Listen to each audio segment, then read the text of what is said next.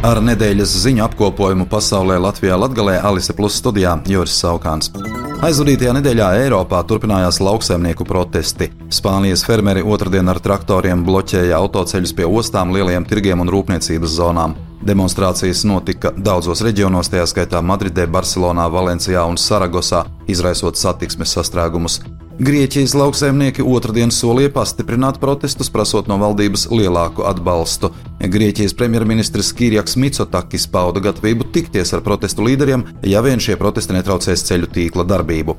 Pirmdien Bulgāru lopkopji un piena ražotāji Sofijā pie lauksaimniecības ministrijas protestēja pret valdības lauksaimniecības politiku, pieprasot nozares ministra Kirila Vateva atkāpšanos, bet otrdien fermeri ar traktoriem un citu tehniku uz laiku nobloķēja satiksmi virknē Bulgārijai svarīgu satiksmes mezglu, pieprasot kompensāciju par lētāku Ukrainas lauksaimniecības produktu importu. Arī Itālijā lauksaimnieki jau vairākas nedēļas rīko demonstrācijas, pieprasot zemākus nodokļus degvielai, augstākas cenas lauksaimniecības produktiem un Eiropas Savienības vides aizsardzības noteikumu mīkstināšanu. Piekāpjoties protestējošajiem Eiropas lauksaimniekiem, Eiropas komisijas prezidente Urzula Fonderleina šonadēļ ieteica komisijai atteikties no ieceres samazināt pesticīdu izmantošanu lauksaimniecībā. Latvijā pirmdien virknē pilsētu notika lauksaimnieku protesti, kuros piedalījās ap 2000 dalībnieku. Biedrības zemnieku saima valdes priekšsēdētājs Juris Lazdiņš sola, ka lauksaimnieku protesti pirmdien 12 februārī Rīgā vēl nebūšot, nākamās nedēļas laikā turpināšoties sarunas ar valdības un ierēdniecības pārstāvjiem.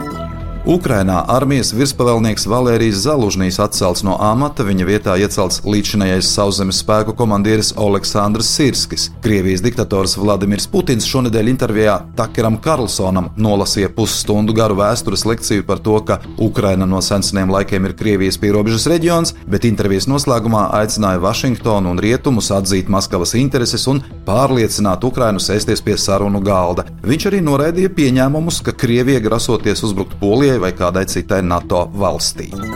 Latvijas ministru prezidente Evika Sīliņa šonadēļ tikās ar Ludzas un Balvu novadu pārstāvjiem un tikšanās gaitā solīja, ka valdība ņems vērā latgales intereses un novadu specifiku, plānojot izmaiņas pašvaldību finanšu izlīdzināšanas sistēmā, vispārējās izglītības finansēšanā un citos jautājumos.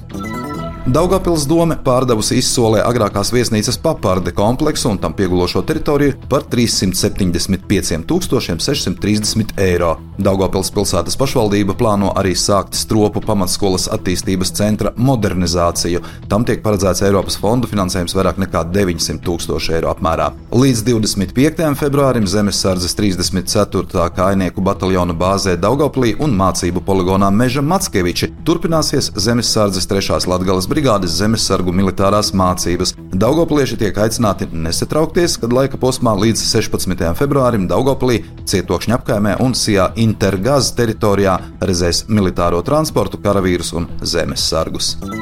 Studijā bija Juris Saukāns par nedēļas ziņu pasaulē Latvijā Latgalē satura atbildesijā Alise Plus projektu finansē Mediju atbalsta fonds no Latvijas valsts budžeta līdzekļiem.